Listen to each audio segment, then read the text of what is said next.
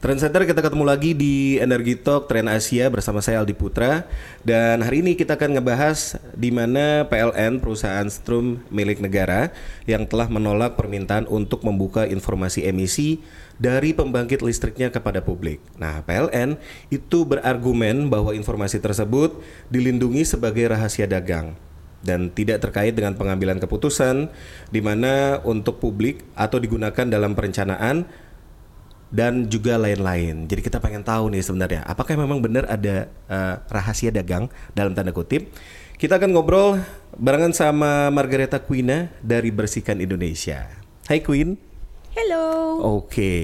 Kalau dilihat dari uh, apa yang dilakukan dengan PLN, kenapa sih harus ada rahasia-rahasiaan gitu sama publik? Wah, saya nggak tahu itu Anda harus tanyakan ke PLN. Kalau yang Queen uh, lihat dari uh, keterbukaan uh, PLN untuk membuka uh, data emisi gitu terhadap publik dan itu uh, terjadi uh, penutupan data gitu atau uh, ketidakterbukaan data, apa yang membuat PLN akhirnya uh, melakukan hal itu? Mungkin kita balik dulu ya ke awal soal kenapa um, data ini disengketakan. Kenapa hmm. sampai ada sengketa data ini dan mungkin um, Aldi mungkin aware datanya apa aja. Cuman saya rasa buat pendengar perlu juga untuk kita clarify ya dari yeah. awal ini adalah soal membuka dan menutup dua data yang sebetulnya sangat terkait dengan kehidupan kita sehari-hari. Yang pertama adalah data emisi dari cerobong pembangkit. Jadi teman-teman kalau ngelihat yang di atas itu tuh hmm. cerobong itu menghasilkan um, kita persepsinya mungkin asap atau um, pollutants di dalamnya itu ada iya. beberapa yeah. jenis pollutants yang dihasilkan dan itu berkontribusi ke kualitas udara yang kita rasakan sehari-hari. Jadi itu satu ada dua pembangkit yang datanya kita minta, satu Suralaya yang memang dekat dengan Jakarta relatif dan memang ada hubungannya dengan um, terutama karena arah angin di bulan November sampai Februari ya di hmm. musim penghujan ada hubungannya dengan bagaimana kualitas udara Jakarta dan yang kedua uh, pembangkit di Sawah Lunto di Ombilin yang itu rekam jejaknya juga memang um, ada beberapa non compliance ketidaktaatan yang terjadi dan sekarang juga masih dalam proses pelaksanaan sanksi administrasi. Okay. Nah, ini relevan dengan data yang kedua yang kita minta yaitu data abu. Hmm. Jadi pembangkit listrik berbahan bakar batu bara itu uh, sisa bakarannya itu dalam bentuk abu cukup banyak yeah. sekitar 5 sampai um, 40% dari total batu bara yang dibakar. Jadi memang um, pertanyaannya kemudian abu itu ke mana? Hmm. Apakah diolah? Apakah uh, dimanfaatkan kembali oleh pihak ketiga? Apakah dijadikan bahan timbunan di lubang-lubang tambang? Yeah. Selama ini kita nggak tahu. Jadi data itu kita minta karena um, terutama di Ombilin salah satu ketidaktaatan yang terjadi hmm. adalah soal bercecerannya pengelolaan abu. Jadi hmm. abunya di dump di dekat uh, perumahan warga, di dekat waterways dan itu yang kemudian uh, partner bersihkan Indonesia LBH Padang hmm. yang mengadvokasi ini uh, at some point membutuhkan memang laporan resmi yeah. untuk betul-betul memahami um, sejauh mana PLTU yang sedang menjalankan sanksi ini sudah betul-betul melakukan kewajibannya, Perubahan. perbaikannya ada hmm. atau enggak. Yeah. Nah, jadi itu dua hal yang uh, memotivasi kenapa Bersihkan Indonesia uh, saya sebetulnya mewakili Bersihkan Indonesia untuk meminta informasi ini. Oke, okay, kalau untuk permintaan informasi apakah memang baru dilakukan uh, di beberapa tahun ini atau memang dari awal? Karena polusi ini kan juga uh, sudah terjadi bertahun-tahun ya sebenarnya ya. Kalau untuk uh, apa untuk dari yang dekat dengan Jakarta atau memang yang dari hulu gitu kan apakah memang teman-teman dari Bersih Indonesia ini baru melakukan uh, gugatan itu di uh, beberapa tahun ini? Atau memang dari uh, beberapa tahun ke belakang gitu lebih jauh puluhan 10 tahun misalnya? Jadi memang uh, kita tahu ya sama-sama bahwa salah satu dampak yang bisa diproyeksikan dari pembangkit batu bara itu satu pencemaran udara, hmm. dua uh, potensi kontaminasi dari abu yang tidak terkelola dengan baik. Nah, um, tapi emang ada perbedaan nih kalau misalnya pembangkitnya yang belum dibangun, ya artinya memang itu potentially di raise iya. supaya yeah. dikendalikan di dalam uh, terms and conditions izin. Yeah. Nah itu udah dilakukan bersihkan Indonesia sejak 5-6 tahun ke belakang wow. um, bukan bersihkan Indonesia sendiri ya tapi anggota bersihkan Indonesia um, diwakili oleh berbagai kantor LBH di seluruh Indonesia yeah. dan itu advokasinya cukup banyak tapi memang beberapa tahun terakhir ini fokusnya lebih banyak ke mencegah pembangkit baru untuk berdiri dengan ketentuan di izin yang uh, terlalu longgar. Jadi itu fokusnya selama ini akan tetapi sekarang karena memang sudah um, banyak kapasitas baru juga yang masuk dan pembangkitnya hmm. itu akan lebih banyak lagi pembangkit yang beroperasi ke depannya jadi fokusnya shifted fokus beberapa tahun terakhir hmm. ini adalah untuk melihat bagaimana pembangkit-pembangkit yang sudah beroperasi comply atau tidak dengan standar yang ada di Indonesia. Nah, itulah kenapa uh, Suralaya dan Ombilin ini masuk. Yeah. Jadi Ombilin itu sebagai konteks pembangkit yang udah tua banget. Suralaya juga udah tua banget dari tahun 80-an untuk Suralaya hmm. udah beroperasi um, dan Ombilin kalau nggak salah tahun 9697-an udah beroperasi. Jadi juga udah ada pertanyaan kalau misalnya ini pembangkit-pembangkit sangat polluting, apakah memang lebih efisien untuk memensiunkan pembangkitnya aja yeah. atau um, kalau misalnya memang mereka mau terus beroperasi artinya mereka harus comply dong dengan standar yang terkini yeah. sanggup atau enggak pertanyaannya itu makanya hmm. data tersebut sangat krusial selain untuk uh, make sense juga untuk warga Jakarta ya yeah. gimana um, cara yang paling cost efficient untuk meredakan pencemaran udara Jakarta karena pembangkit itu salah satu kontributor yang walaupun mungkin nggak seberapa besar dibandingkan transport tapi jumlah pembangkit juga sangat jauh lebih sedikit Banyak. dibandingkan oh, dengan okay. knalpot. Yeah. Knalpot Jakarta 26 juta. 26 juta. Pembangkit di sekitar Jakarta cuma 22 unit. Oke. Okay. Jadi itu satu hal ya yeah. kayak kita bisa ngecap pembangkit udah lumayan banget pasti kontribusinya ke mm. um, perbaikan udara Jakarta. Iya, tapi Queen sebelum kita ke gugatan, uh, kalau standar sengketa. Nih. Oh sorry, kalau uh, kita sebelum ke sengketa, standarnya seperti apa untuk uh, eh, PLTU yang masih beroperasi yang terbilang tua itu? Nah ini uh, emisi dulu ya. Iya. Jadi um, emisi udara yang notabene berbeda dengan emisi gas rumah kaca. Jadi teman-teman juga perlu aware bahwa yang kita minta itu data performance pengelolaan emisi udara. Yeah. Jadi di sini kaitannya dengan debu, lalu ada beberapa gas juga seperti hmm. nitrogen oxide, uh, sulfur dioxide, lalu uh, merkuri satu lagi. Nah, tahun 2019 itu KLHK hmm. memperketat standar emisi dari uh, pembangkit listrik tenaga uap, termasuk salah satunya batu bara. Okay. Dan uh, pengetatan itu nggak cuma untuk PLTU yang baru tapi PLTU yang lama pun diketatkan. Jadi um, hmm.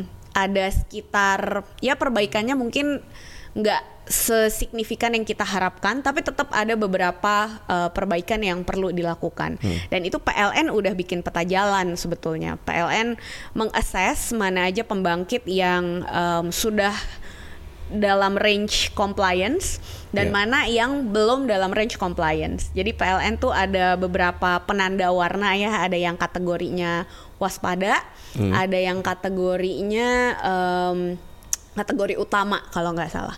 Nah, Suralaya di draft waktu itu masih draft ya Greenpeace yang minta informasi roadmapnya. Yeah. Um, di draftnya PLN ini Suralaya uh, hampir semua unit Suralaya yang udah beroperasi masuk kategori utama.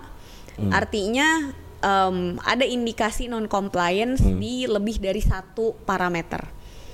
Sementara okay. Ombilin itu masuk kategori waspada, yang artinya ada spike jadi um, dari pemantauan dua tahun misalnya, tapi kalau pemantauan manual kan nggak se-reliable itu ya, tiga yeah. bulan sekali pembangkit sendiri yang ngukur ada satu setidaknya yang melewati uh, baku mutu. Nah itulah kenapa juga kita sekarang meminta data yang lebih komprehensif. Kita minta data continuous monitoringnya hmm. yang mengukur em, performance pengendalian tiap parameter Hmm. Setiap jam, setiap waktu bahkan setiap detik. Jadi Lebih ada ya? rata-rata per jamnya, betul, rapat datanya. Hmm. Em, dan di situ kita bisa lihat eh, kalau misalnya ada accidents, ada pelampauan itu berapa banyak, di mana aja dan ada atau enggak remedial action yang disyaratkan. Oke, nah kita kembali ke eh, PLN ini kelas balik ya. Ini sampai terjadi gugatan, eh, terus udah gitu. Apa sih sebenarnya yang diminta ini ke siapa? Ke siapa aja? PLN aja kah? Atau memang ada pihak-pihak tertentu gitu yang sebelumnya juga diminta? Eh, jadi sengketa ya di Oh iya. sengketa informasi Sengketa di informasi. Komisi Informasi Pusat belum gugatan dan moga-moga nggak perlu sampai gugat-gugat lah ya. moga-moga kayak Oke. eh, energinya mendingan dipakai yang lain moga-moga ya nyari data doang ya Allah Eh, jadi ini pencarian data tuh udah lama sih sebetulnya dan emang Iya. Saya agak kesel sih sebetulnya karena kayak begitu banyak jam yang dialokasikan hanya untuk Untuk itu. baru untuk nyari data Ah. belum analisis datanya gitu kan Iya. Em, jadi emang sebetulnya kan semua kampanye itu memerlukan pengecekan fakta ya Hmm. Iya. tapi ada beberapa juga fakta yang memang hanya dimiliki oleh instansi karena nggak mungkin kita sebagai pihak ketiga naik-naik ke cerobong gitu kan Mm-mm. bawa alat juga yang kayak pun kita Repot, commission ya. orang-orang lab untuk ngukur ya Iya. tetap harus PLTU-nya kan yang memberikan akses. Itu Iya. nggak mungkin. Jadi untuk data emisi itu em, sudah dicari dari sekitar tahun lalu. Eh, untuk data faba juga fly ash bottom ash atau abu sisa pembakaran. Sisa, iya. karena memang kalau untuk penampungan abu itu biasanya zona yang eh, nggak bisa sembarangan orang yang masuk. Jadi itu zona yang hanya aksesibel untuk orang PLTU sendiri Iya. jadi kita eh, beralih ke oke kalau gini berarti kita harus lihat laporannya Hmm. karena laporan tersebut require hasil pemantauan em, kalau untuk udara tuh yang per jam per detik tadi Per bahkan detik tadi. terus menerus kalau untuk abu di laporan enam bulanan juga ada sebetulnya Hmm. em, persyaratan untuk hasil monitoring groundwater Hmm. hasil em, neraca ini berapa ton abu Iya. yang masuk ke pengelola pihak ketiga, berapa ton yang dikelola sendiri, berapa ton yang ada di temporary storage, Iya. itu dilaporkan semuanya dan em, kita udah sempat minta untuk Suralaya itu eh, minta ke DLH Cilegon, minta ke DLH Banten, minta ke KLHK, eh, nggak ada yang jawabannya memuaskan. Untuk Ombilin, em, teman-teman LBH Padang juga sudah memasukkan permohonan informasi ke DLH Sumbar, lalu juga DLH Sawah Lunto, dan ke KLHK juga sama, nggak ada yang jawabannya memuaskan. Jawabannya seperti apa? Jadi eh, ada yang silent sama sekali Oke. untuk KLHK tuh benar-benar kalau saya? Hmm. tidak diangg- tidak ditanggapi. eh, Sebenarnya ditanggapi. Tanggapannya adalah kami Gimana? akan merespon, tapi kemudian hilang. Responnya adalah dengan tidak merespon. Iya. Oke. Jadi we take that as a no. Oke. Um, lalu untuk DLH, DLH ini um, ada sedikit permasalahan kewenangan Hmm. akibat uh, perubahan regulasi beberapa tahun terakhir ya. Kita tahu Undang-Undang Cipta Kerja menarik Hmm. Berubah. beberapa kewenangan pelaporan dan pengawasan ke pusat. Ke pusat. Jadi di Suralaya terutama ini kita temui. DLH provinsi bilang iya saya punya datanya tapi saya nggak bisa ngasih. Anda tanya ke KLHK Langsung. Em, karena sejak tahun 2021 atau 2022 Setor sistem pelaporannya langsung ke KLHK dan sekarang saya udah nggak punya kewenangan lagi. Pun saya punya em, data prior 2021 jadi Oke. itu jawaban mereka em, KLHK kita juga nggak berharap banyak gitu ya. Kayak kita juga expect mungkin datanya KLHK nggak lengkap. Em, karena argumen yang sama bisa diberikan gitu kan Mm, kita baru punya 2021 yang kayak that is a possibility jadi kita lihat siapa yang punya data yang paling lengkap PLN Oke. karena PLN punya kewajiban pelaporan yang eh, setidaknya kewajiban dokumentasi yang Juga tidak rapat juga ya. berubah, Hmm. Ha-ha, tidak berubah dari em, 2012, let's say sejak Hmm. ketentuan tentang izin lingkungan ada gitu kan. Jadi PLN kewajiban tersebut tetap ada regardless perubahan kewenangan di pusat daerah PLN harusnya tetap punya Tetap. consolidated datanya. Dan akhirnya ke PLN lah dan gitu akhirnya ya. ke PLN. Mm-mm. Nah, kenapa PLN tiba-tiba nggak ngasih data soal itu? Saya nggak tahu kenapanya.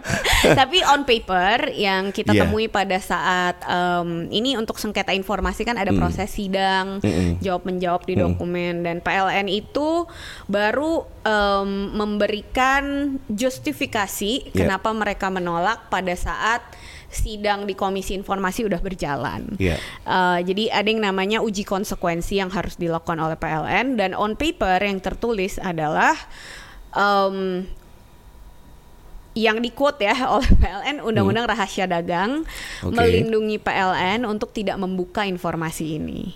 Nah, um, walaupun ada juga ya uh, sub argumen lainnya, salah satunya em, ada kekhawatiran tentang penyalahgunaan informasi, Iya. eh, penyebaran hoax Iya. apabila diinterpretasikan oleh pihak ketiga yang tidak punya kapasitas untuk menginfor untuk menginterpret informasi tersebut. Ada yang lucu tuh terorisme. Saya kayak Who Apa are tuh? you taking me for? A terrorist? Terorisme itu jadi salah satu argumen Ditakutinnya juga. gitu. Ditakutkan Oke. eh, membuka possibility terorisme. Hmm. Em, lalu mobilisasi massa. Jadi ya kekhawatiran-kekhawatiran Banyak ketakutan-ketakutan yang eh, ditakutin sama PLN itu. Yes, in on top of em, justifikasi penutupan informasi berdasarkan Undang-Undang Rahasia Dagang. Oke. Gitu. Tapi kalau keterbukaan informasi sebenarnya eh, ada gak sih batasan-batasan yang memang eh, publik harus tahu atau batasnya cuma sampai sini nih publik taunya cuma sampai sini dan itu ada yang dirahasiain juga gitu. Ada sebetulnya eh, UU KIP itu cukup jelas memberikan rambu-rambunya. Hmm. Em, jadi pada prinsipnya sepengetahuan saya ya, semua informasi itu diasumsikan eh, terbuka. Kecuali apabila pemilik informasi bisa menjustifikasi kenapa informasi tersebut legit untuk dikecualikan Oke. dan itu ada kategorinya misalnya informasi terkait privacy itu legit untuk dikecualikan Iya. undang eh, dilindungi undang-undang eh, informasi tentang yang berkaitan dengan eh, proses penegakan hukum yang sedang dalam tahap penyidikan misalnya Iya. di mana kayak bukti-buktinya juga masih em, Belum in rata ya. motion gitu Iya. kan itu memang boleh untuk dikecualikan tapi memang syaratnya adalah dilakukan uji konsekuensi Oke. jadi uji konsekuensi ini melihat ada tidak alasan-alasan yang eh, melegitimasi, menjustifikasi penutupan informasi tadi. Nah itu tahap pertama. Setelah pun ditemukan alasan bahwa oke ini informasi yang bisa ditutup, masuk pengujian tahap kedua namanya uji konsekuensi publik. Iya. Jadi uji publik ini melihat apakah pun ada alasan legit untuk mengecualikan informasi ini, apakah ada kepentingan publik yang lebih besar yang bisa di-serve apabila informasi ini dibuka. Hmm.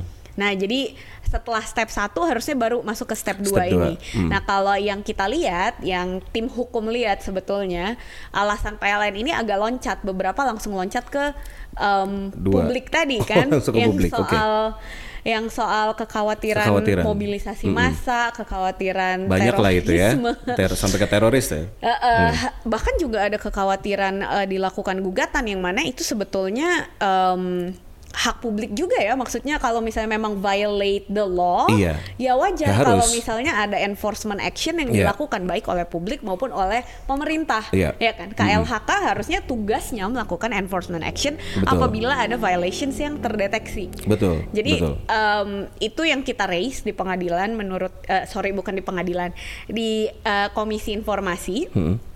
Menurut kita kekhawatiran-kekhawatiran tersebut eh, bukan merupakan justifikasi untuk menutup informasi, Hmm. apalagi informasi ini oleh kementerian sendiri oleh KLHK Iya. itu ditentukan melalui peraturan sebagai informasi terbuka. Hmm. Memang nggak spesifik, tapi ada kemen- eh, ada permen KLHK yang menyatakan bahwa informasi yang terkait dengan eh, laporan compliance, saya Oke. lupa terminologi persisnya apa, tapi laporan ya, laporan pemantauan lingkungan itu Hmm. merupakan informasi publik.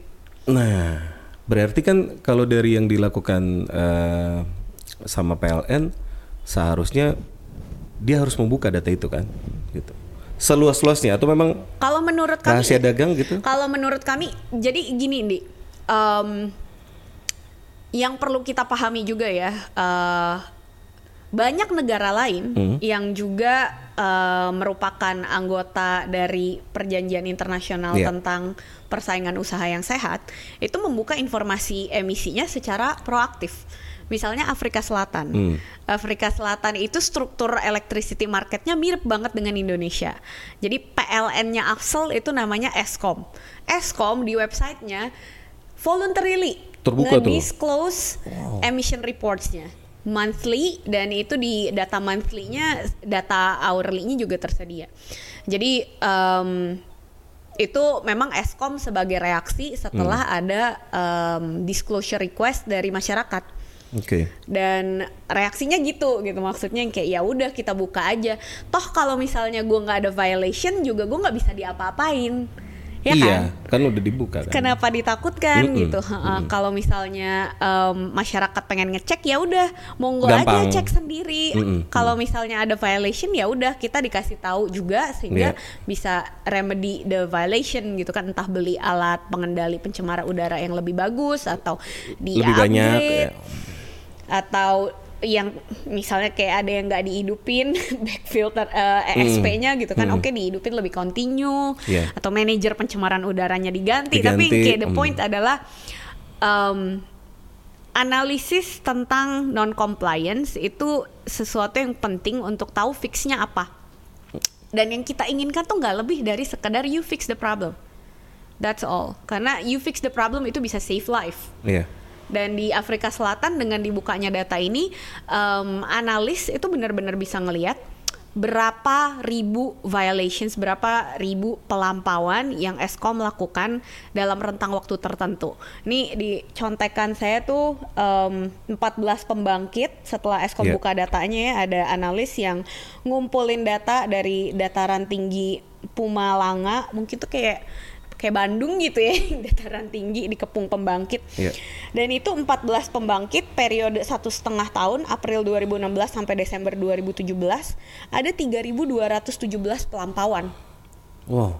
3.217 pelampauan itu bisa ditranslate ke berapa banyak early deaths yang dihasilkan apabila pelampauan tersebut tidak terjadi. Eh, s- sorry, berapa banyak early deaths yang bisa diselamatkan ya apabila pelampauan tersebut tidak terjadi. Dan itu translatable ke 300 sampai 650 early deaths.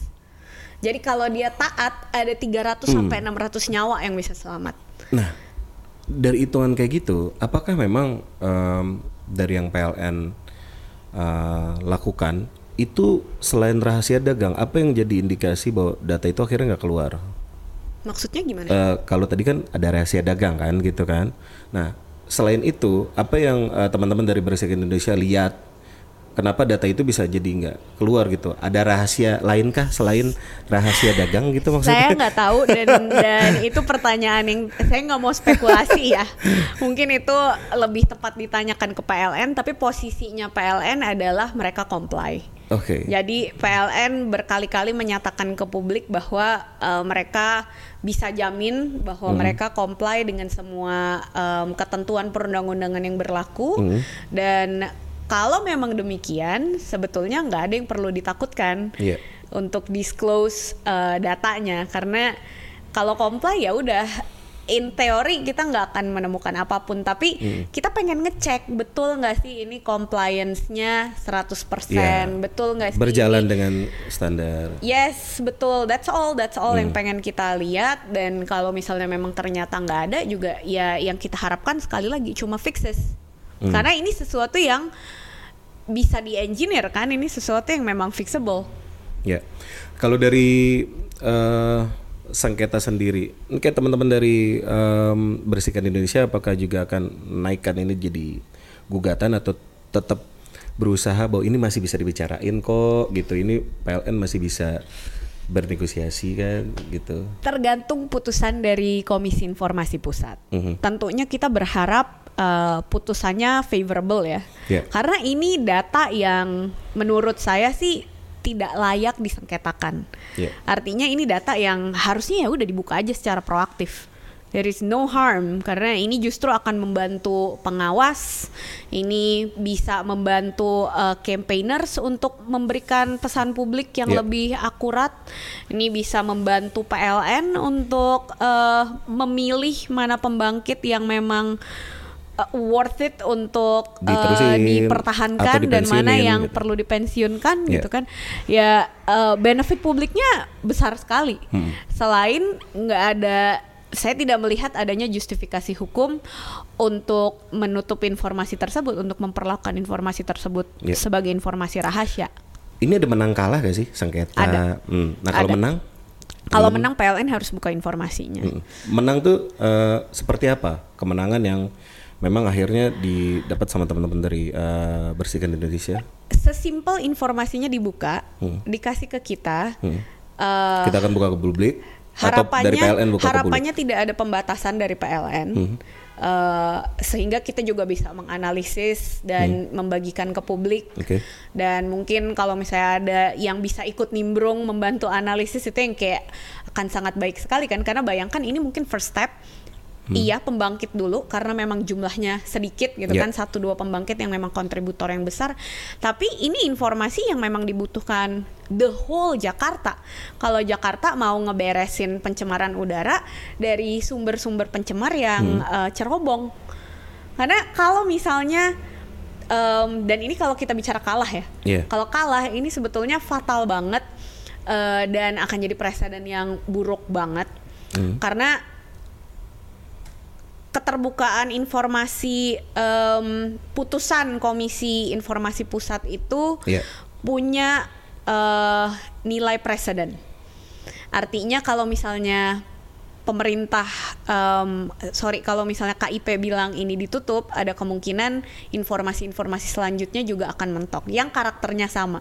Bayangkan kalau misalnya informasi pabrik, ada ratusan pabrik yang bandel di seluruh Jakarta, dan ada yang kayak good faith Jakartans yang niatnya cuman pengen gue cuman pengen bernafas lebih lega, tapi yang kayak go as far as oke gue mungkin akan mencoba untuk ngelihat sumber emi sumber emisi yang paling parah tuh di mana dan itu diminta dan itu ternyata udah ada presiden yang menyatakan bahwa informasi emisi nggak bisa dibuka ya kan itu artinya nggak ada yang bisa fixing udara Iya. Jakarta sebagai citizen eh, yang punya informasi akhirnya cuman pabrik dan pemerintah kalau pemerintah do nothing dan Ya udah who gitu can ya. ask them to do something? Yes. Kalau pabrik ternyata chaos gitu kan yang kayak juga nggak ada bisa action dari konsumen Hmm. yang misalnya either putting pressure ke company-nya secara langsung melalui consumer awareness Iya. atau investor awareness gitu kan yang kayak Hmm. no one can do anything selain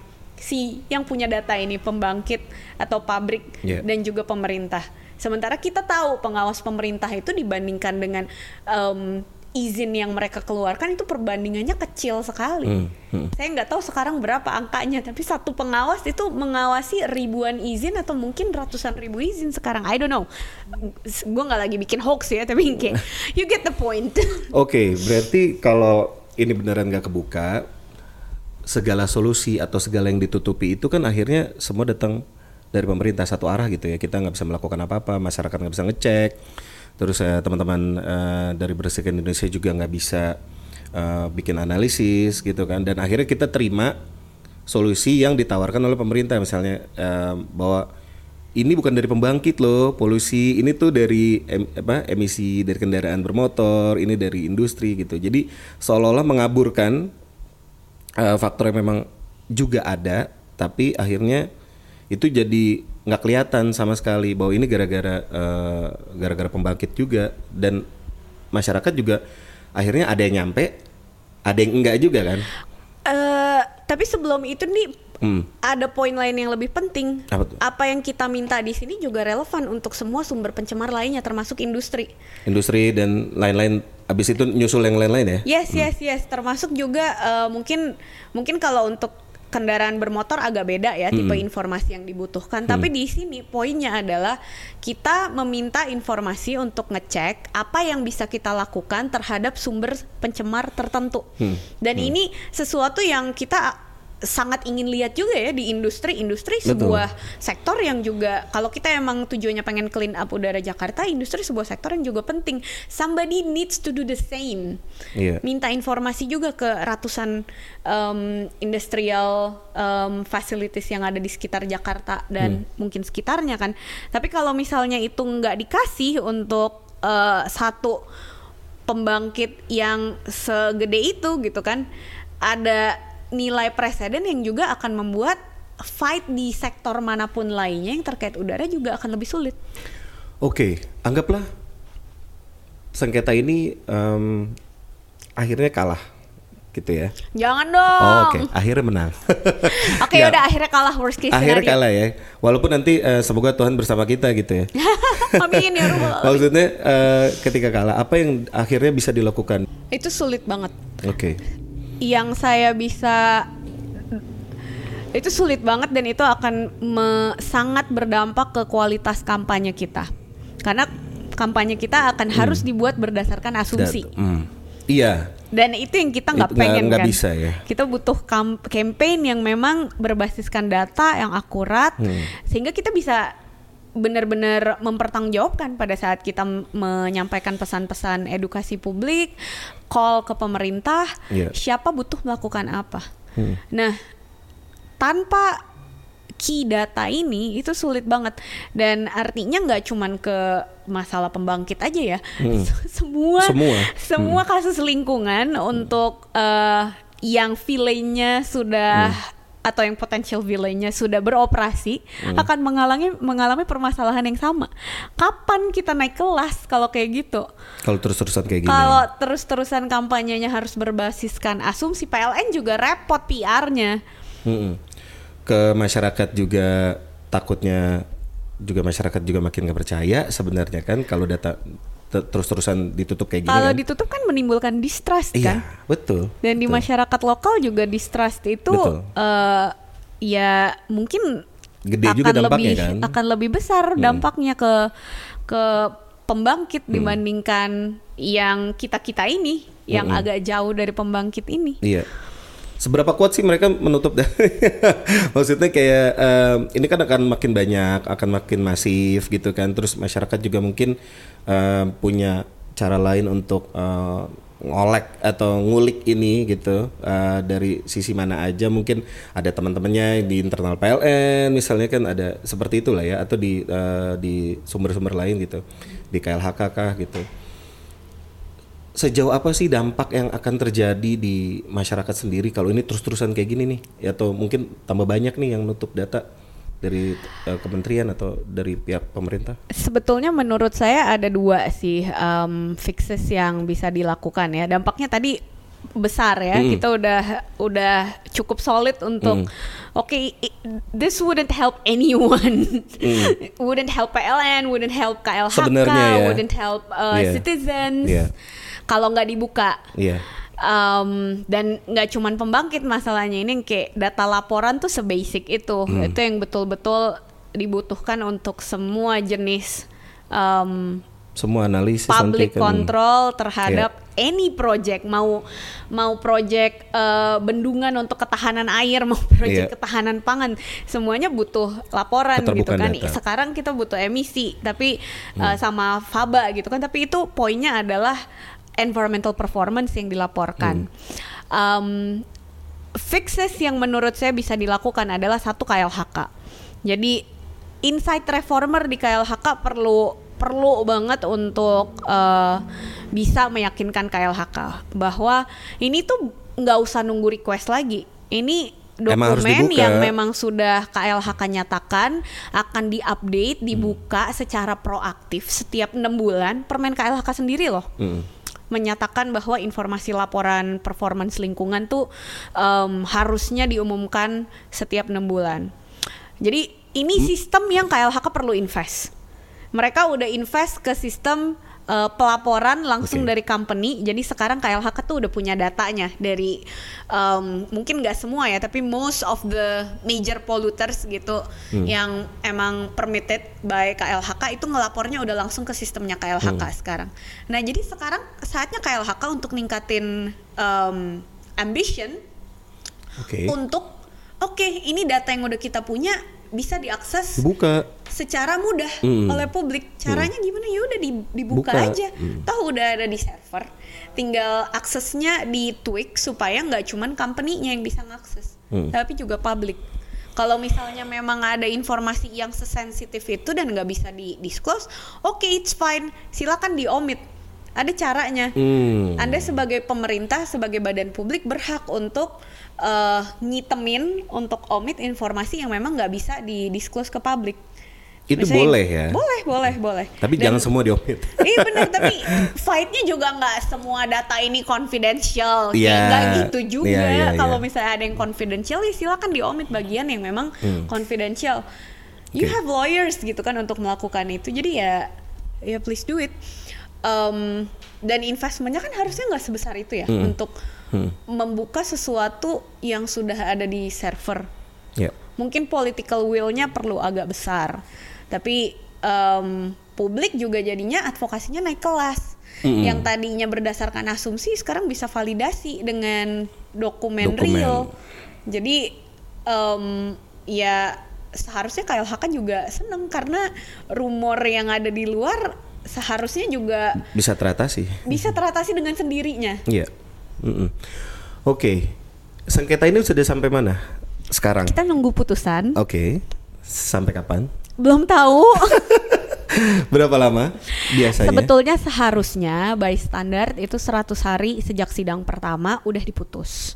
Nah, kemarin kita barusan ngitung nih. Ah, Sebetulnya udah lewat dari 100 hari. eh, butuh berapa ratus hari lagi untuk, untuk kalau udah lewat kayak gini berarti akan ada Kita eh, suratin KIP barusan. KIP. Jadi kita sedang em, memproses eh, surat tersebut untuk Hmm. Oke. ngingetin bahwa oke ini udah 100 hari em, Anda sudah deadline untuk memberikan putusan, Hmm. kami tunggu jawabannya seperti apa dan kita paham banget bahwa ini informasi yang mungkin kelihatannya kompleks Iya. dan eh, KIP juga kemarin kita sajikan banyak banget eh, bukti Hmm. dan bukti-bukti yang kita sajikan tuh nggak cuman dokumen hukum ya tapi juga dokumen Iya. teknis Hmm. karena kebetulan informasi tersebut yang kita minta ini udah ada presidennya pernah dibuka Nah, pernah dibuka? pernah pernah di Hmm. Jawa Barat itu dibuka Oke. Em, dan tanpa harus melalui sengketa-sengketaan Hmm. jadi bukti-bukti tersebut kita harapkan sih uh, bisa membantu majelis untuk Iya. betul-betul mengambil putusan yang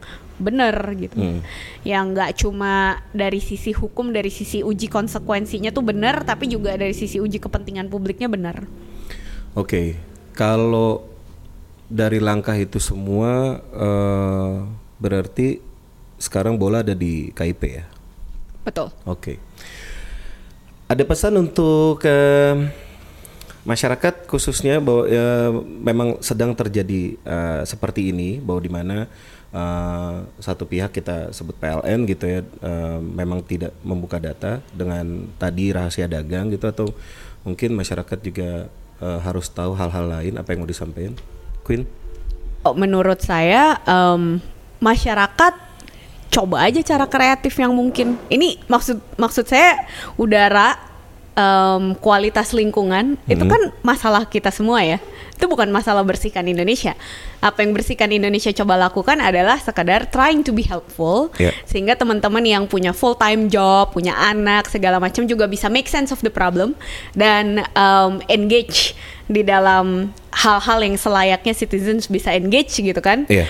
secara lebih meaningful tapi tidak menutup kemungkinan kalau ternyata teman-teman juga punya cara lain yang em, lebih kreatif dari bersihkan gitu. Misalnya kayak kalau misalnya teman-teman notice ada polluters di sekitar tempat tinggal teman-teman, feel free untuk mencoba cara permohonan informasi. Saya rasa Komisi Informasi juga harus tahu bahwa ini bukan Iya. sesuatu yang hanya spesifik grup yang uh, bisa lakukan, tapi ini adalah semua orang yang bisa lakukan.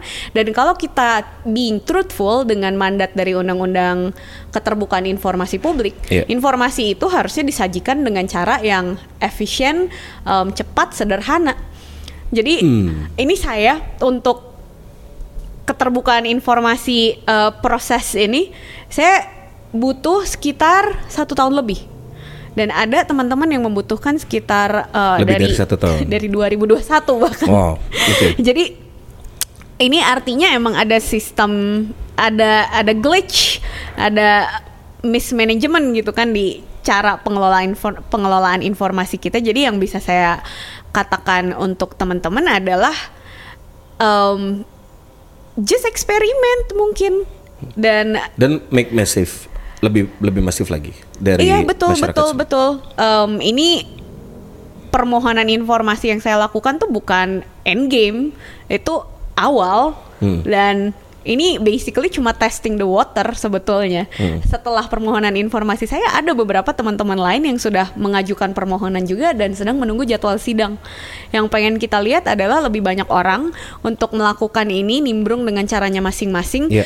The point tentang bagaimana kita mendisiplinkan polluters yang Iya. tidak terdeteksi itu adalah poin yang sangat penting buat clean up udara Jakarta sangat penting untuk clean up semua yang kita anggap polluted dan sebetulnya penting untuk dibersihin. Hmm. Jadi saya yakin teman-teman di em, nggak cuma Jakarta ya tapi yang kayak everywhere juga melakukan tentunya mencoba untuk merangkai puzzle yang ada kan tentang Hmm. fakta dari apa yang kita bisa observasi. Nah, ya salah satu cara untuk complete the puzzle itu adalah ya udah minta informasi yang sebetulnya udah ada dan udah dilaporkan ke Ya. authority. Oke.